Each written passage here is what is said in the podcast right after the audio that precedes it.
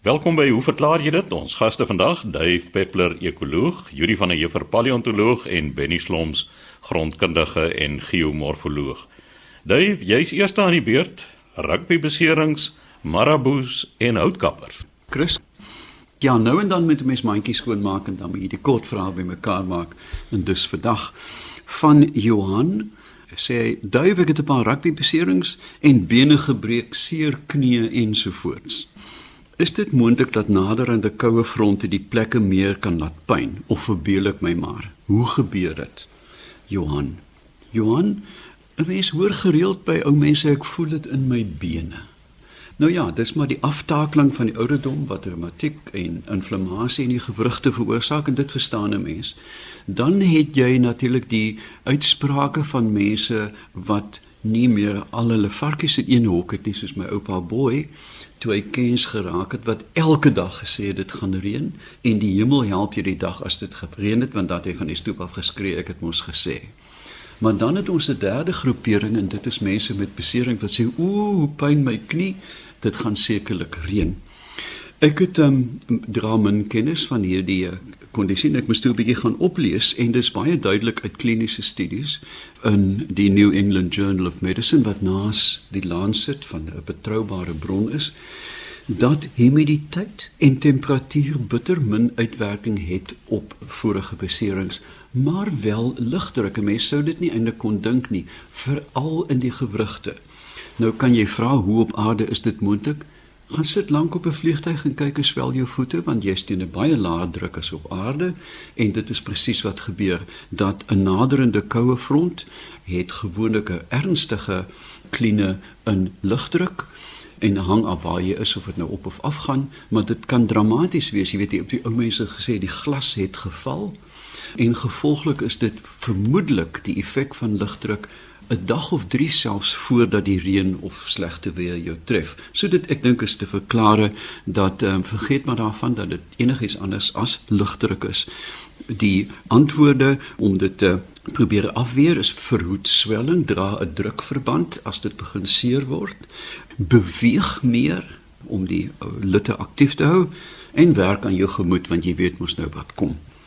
Dan 'n tweede vraag gaan oor houtkappers van Willem van Heerden 'n uh, lekker briefie. Hoe verklaar jy dit? My seun het ongeveer 5 jaar gelede 'n huis in Johannesburg gekoop waarop twee groot palmbome voor die huis gestaan het. Hy het beide laat afsaag, maar die een se stomp op 'n meter hoog gehou.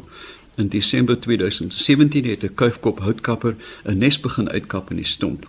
Ons het gedink hy sou ophou omdat dit nie so hoog van die grond af was nie en tog nou bewoon hulle permanent daar. Is dit dalk 'n jong voël of is daar 'n ander verklaring hoekom hy sy nes so laag gemaak het en hy bedank ons verder vir die interessante program. Kom ons luister net gou hoe klink hierdie houtkapper wat eintlik 'n tinker is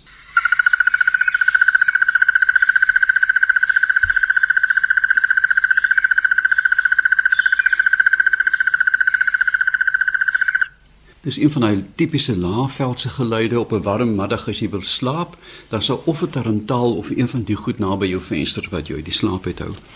Nesmaak van voëls word bepaal deur hulle voorkeur van nis. Daar's baie voëls wat glad nie neste maak nie, soos byvoorbeeld van die swerfvalke kolganse kan nie 'n nes bou nie. Hulle hulle gaan sit op iemand anders se nes, Tomahawk of of 'n hamerkop se nes sit hulle plat. En dan is daar uiteraard voëls wat ontsaglike komplekse neste maak, die wewers, die kapokvoeltjie, weet baie ingewikkelde strukture. Houtkappers daarenteen kap of gate in lewende hout of in dooie hout. Die wat in lewende hout kap, is daar nou sterk getuienis dat hulle wil juis in lewende hout kap om 'n reaksie van die boom te kry in die vorm van gom om die wond wat hulle maak en dit verhoed dat slange dan die nes binnendring. Dit is baie interessant. Dit is nou bewys in Noord-Amerika dat vars dennebome word geteken want die slange hou nie van die reuk en en die tekstuur van die hars wat dan afgeskei word nie. En so het elke dier dan 'n nesmaaknis, 'n voedingsnis, 'n wegkruipnis, ontsnappingsnis. Dis nie net een nis nie.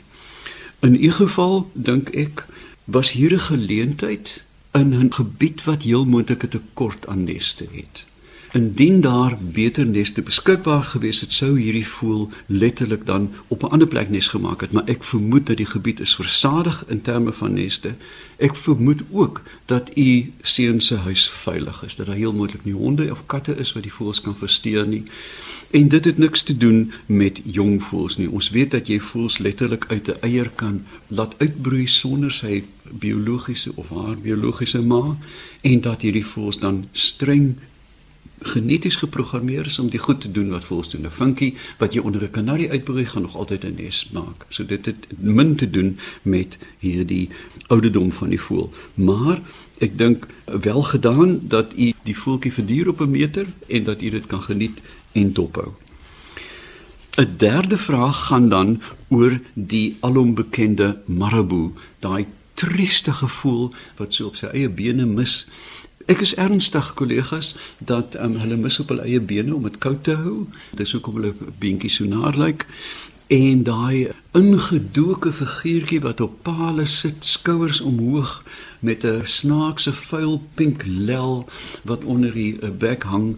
Dis regtig nie 'n aangename ding om te aanskou nie. Ek onthou al te goed jare gelede in Entebbe waar elke paal bykans een van hulle op het, het een van my gaste vir my gesê dat sy is so bly dat ons nou al die shoebulls gesien het want daar sit een op elke paal. In elk geval die lel of die sak onder die nek van die maribou kom by beide geslagte voor, effens groter by die mannetjies en hierdie is eenvoudig 'n orgaan wat die mannetjie opblaas en vir die wyfie wys of sy dit nou wil sien of nie. En hulle adverteer dan ook so hulle, jy weet, groter is beter. Ek het 'n groter sak as jy, wys my jou sak en ek wys jou myne.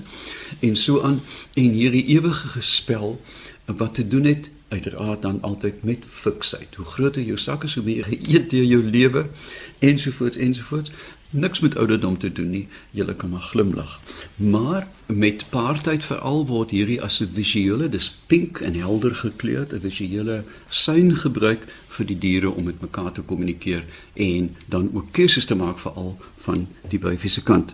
Volgende keer as jy 'n marabou sien, bedank hierdie trieste gevoel dat hy wel 'n interessante lewe het en nie 'n asfaal reliek is wat net op 'n paal in Kampala sit nie. Dit was dan Dave Peppler, ons ekoloog. Juri, jy het nou verlede week het jy gesels oor reïnkarnasie en van dieselfde persoon het jy ook 'n vraag ontvang of vrae ontvang oor golery en boodskappe van afgestorwenes. Chris, ja, Willem de Pree het hierdie interessante vraag gevra en ons het by die vorige opname het ons reïnkarnasie behandel. Hy het nog vrae aangestuur en vra dan hoe werk golery soos deur Dr. ID Du Plessis in sy boek uit persoonlike ondervinding beskryf is. Nou ID Du Plessis was as ek my reg onthou, hy was 'n een van die 20ers of die 30ers skrywers en digters, baie bekende man. Hy het ontsettend baie belang gestel in die Malayse kultuur, veral van die Kaapse Maleiers. En ek dink sy doktorsgraad het ook gehandel oor die bydrae wat die Maleiers gelewer het.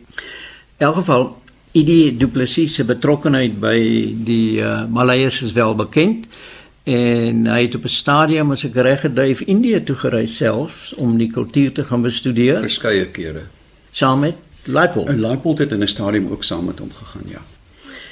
Nou, hierdie kwessie van golery is iets wat baie bekend was in my kinderdae, want daar is altyd gesê dat as iemand jou gool of as iemand iets van jou wil hê, dan gebeur daar snaakse goed in die huis, soos borde wat van rakke afval en uh, dikwels as jy dan gaan soek, is dit 'n sakkie met een of ander iets beentjies in wat in die voortuin begrawe is.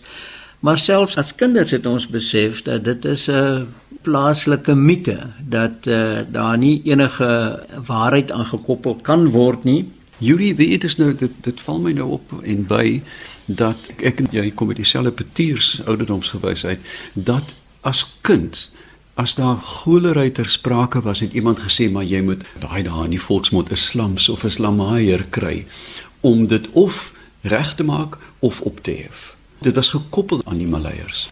Ja, dit is beslis so. Nie dat daar onder die Afrikaners ook allerlei idees gewees het nie. Ek verstout my om te sê 'n vriendin van ons, uh, een storieetjie wat sy altyd vertel het was van ek dink 'n boerekind wat gefusileer is of 'n boere jong man wat gefusileer is iewers in die Vrystaat omdat hy glo 'n spioen sou gewees het en by die plaashuis waar dit gebeur het sou 'n mens nog die koelgate in die muur kan besigtig en as jy nou by die verlate plaas aankom en jy stap na die huis toe dan die voordeur met 'n harde knal oopgegaan en toegegaan en heen en weer geslaan. En dit is vir die waarheid vertel. En mense het maar net geluister en gesê ja. In elk geval, die storie van die golery nee. Mense is geneig om goed te aanvaar en te sien en vir jou te sê as ek dit nie met my eie oë gesien het nie, dan het ek dit nie geglo nie. En mense oë is baie onbetroubare getuienisse eintlik. Dink maar aan verskillende weergawe by motorongelukke deur verskillende persone. En ons het iets in ons wat daarvan hou dat daar moet tog iets wees soos die okkulte, die onverklaarbare magte en kragte wat tussen ons kan werk. Nou Dr. Condevilliers, die beroemde Dr. Condevilliers hier van ons eie departement op Stellenbosch was ook 'n skrywer, 'n geniale man En uh, na alle aanduidings het hy aan spooke geglo, want hy het self spookstories geskryf. En ek het een radio-onderhoud het ek uh, met hom nog gelag wekkend gevind waar iemand met hom gepraat het oor die spooke en hy sê toe ja, by die huis waar hy gewees het, het die oom van hom of wie ook al se spook daar in die stoel gesit. Hy sê hy sit 'n spook toe in die stoel wat nogal interessant gewees het want mense dink altyd aan spooke wat deur die lug sweef en allerlei nare geluide maak en dan ook kettinge rondsleep. Hoe 'n spook wat geen materie besit nie, 'n ketting kan rondsleep is onverklaarbaar want nog so 'n spookjagter, die bekende Erik Rosenthal, die joernalis destyds in die Kaap het in 1949 geboek juis oor al hierdie golerasies in die Kaap geskryf. En die die harde band boek se naam is They Walk in the Night en ek dink die sagte band is They Walk by Night, maar die boeke is nog beskikbaar. En hy vertel van 'n huis, 'n Malaierhuis wat hy ingewees het in die Kaap en daar was 'n jong meisie in die kombuis en 'n snoek het van 'n gedroogde snoek het van die muur afgekom en die meisie rondgejaag in die kombuis. Nou hy was daarom 'n joernalis wat 'n sekere mate van respek gehad het of respek afgedwing het, maar ek dink mense kan hulself maklik laat mislei deur hier goed. So idee die plesier wil ek hoegenaamd nie afkraak nie, ook nie vir dokter Kon met sy spookstories nie. Dit is 'n integrale deel van ons kultuur van die mense van die Kaap en uh, ek dink ons moet daarmee saamlewe sonder om te veel geloofwaardigheid daaraan te heg. Dan wil hom jou laaste vraag is hoe verklaar jy die program tussen twee wêrelde op kanaal 147 via waar 'n jong vrou en haar ma boodskappe van afgestorwenes aan hulle nog lewende familielede oordra. My verklaring daarvoor is dis twak. Daar is niks wat ons weet van die menslike siege, van die brein of enige van die goed dat iets van jou oorleef na die dood nie. Die siel wat ons so graag op sentreer word in die Bybel beskryf as 'n persoon se persoonlikheid en hier het ek baie sterk teologiese ondersteuning, teoloë wat navorsing gedoen het hieroor. As 'n mens sterf, is daar nie iets wat kan terugkom nie. Daar is nie iets wat boodskappe kan oordra nie. En ek wil weer verwys na die boek van Michael Shermer why people believe weird things waar daar 'n baie rasionele en logiese uiteensetting is van hoekom ons sulke goed glo, hoekom ons dikwels smag na sulke goed. As 'n geliefde verlore is, gesterwe is en 'n mens smag na daai geliefde, dis natuurlik. Maar voordat 'n mens so 'n persoon probeer kontak, dink ek sal ek liewer terugdink en sê het ek nie dalk te min gedoen vir die persoon toe ek gelewe het nie. Is dit nie maar 'n kwessie van uh mens voel onvergenoegd want jy het nie altyd moeite gedoen om na die persoon om te sien nie. So Willem op al drie daai vrae is dit my antwoord. Ek dink nie daar is iets soos reïnkarnasie nie. Ek dink golery is 'n mite en die mense wat tussen twee wêrelde doen, dink ek is besig om ons aan die neus rond te lei. Yuri, daar is 'n verfyning van hierdie spookstorie en dit is die tekens in die natuur. Na die dood het 'n vlinder op my skouer kom sit. Na die dood het 'n uil baie naby my gesit sonder om bang te wees om my groot oë gekyk. Ek is seker af van dit was die gees van Japie wat my gesê dit gaan goed met hom. Hierdie is blote toeval. Ons moet dit eenvoudig aanvaar want as ek die natuur moet lees in elke ontmoeting met organismes, dan gaan ek nie vanaand my bed haal nie. Yuri, ek kan net daar byvoeg, jy het nou gesê mense altyd vir jou as ek dit nie met my eie oë gesien het nie. Die ander een is vra vir die vrou, daar sit sy. dit, dit was dan Yuri van der Juffer, ons paleontoloog wat gesels het oor golery en boodskappe van afgestorwenes. Laaste aan die beurt vandag, Benny Sloms, ons geomorfoloog en grondkundige en Benny, jy gesels oor fossiele in die Tankwa Karoo. Dankie Chris. Ek het foto's ontvang van Karel van Wyk van Klapmuts wat hy geneem het in die Tankwa Karoo tydens die Africa Burn wat hy en sy vrou Lindy gereeld bywoon. Nou Africa Burn is 'n jaarlikse saamtrek wat plaasvind op Stonehenge Privaat Park in die Tankwa Karoo, dit is so wat 300 km van Kaapstad. En hierdie weeklange saamtrek word gekenmerk deur temakampe, kuns en musiekaanbiedings asook die dra van kostuums ensovoorts. Die weeklange fees word op die laaste aand afgesluit deur die brand van houtstapels wat opgerig is voor hierdie byeenkoms. Daar was egter ook genoeg tyd vir Karel om 'n bietjie rond te loop en na gesteentes en klippe te kyk. So daarvoor gee ek hom 10 uit 10. Hy het 'n klompie foto's gestuur van horisontaal liggende skalies met strukture daarin wat soos fossiele lyk. Hy wil weet wat is dit? Nou die gesteentes wat hy daar raak geloop het en waar hy hierdie fossiele gesien het, is Ekaskalis van die Karoo supergroep wat so wat 300 miljoen jaar gelede in 'n groot binnelandse meer afgeset is. Heelwat plante groei was aanwesig in vlak morasse en groot hoeveelhede organiese materiaal het aangesamel wat die basis gevorm het van die steenkoolafsettings in Suid-Afrika. So Gondwana was nog een groot kontinent gewees, 'n groot binnelandse meer en morasse en dan hierdie geweldige hoeveelheid plante groei waarin natuurlik 'n klomp organiese materiaal geakkumuleer het. Nou die fotos wat Karel geneem het, toon twee ronde strukture ongeveer 30 cm in deursnee wat bykans dieselfde kleur het as die omringende skalies. Ek het die fotos vir professor John Clemens by die departement geologie op Stellenbosch gaan wys en uh, hy het die affære so gekyk en toe weer gekyk.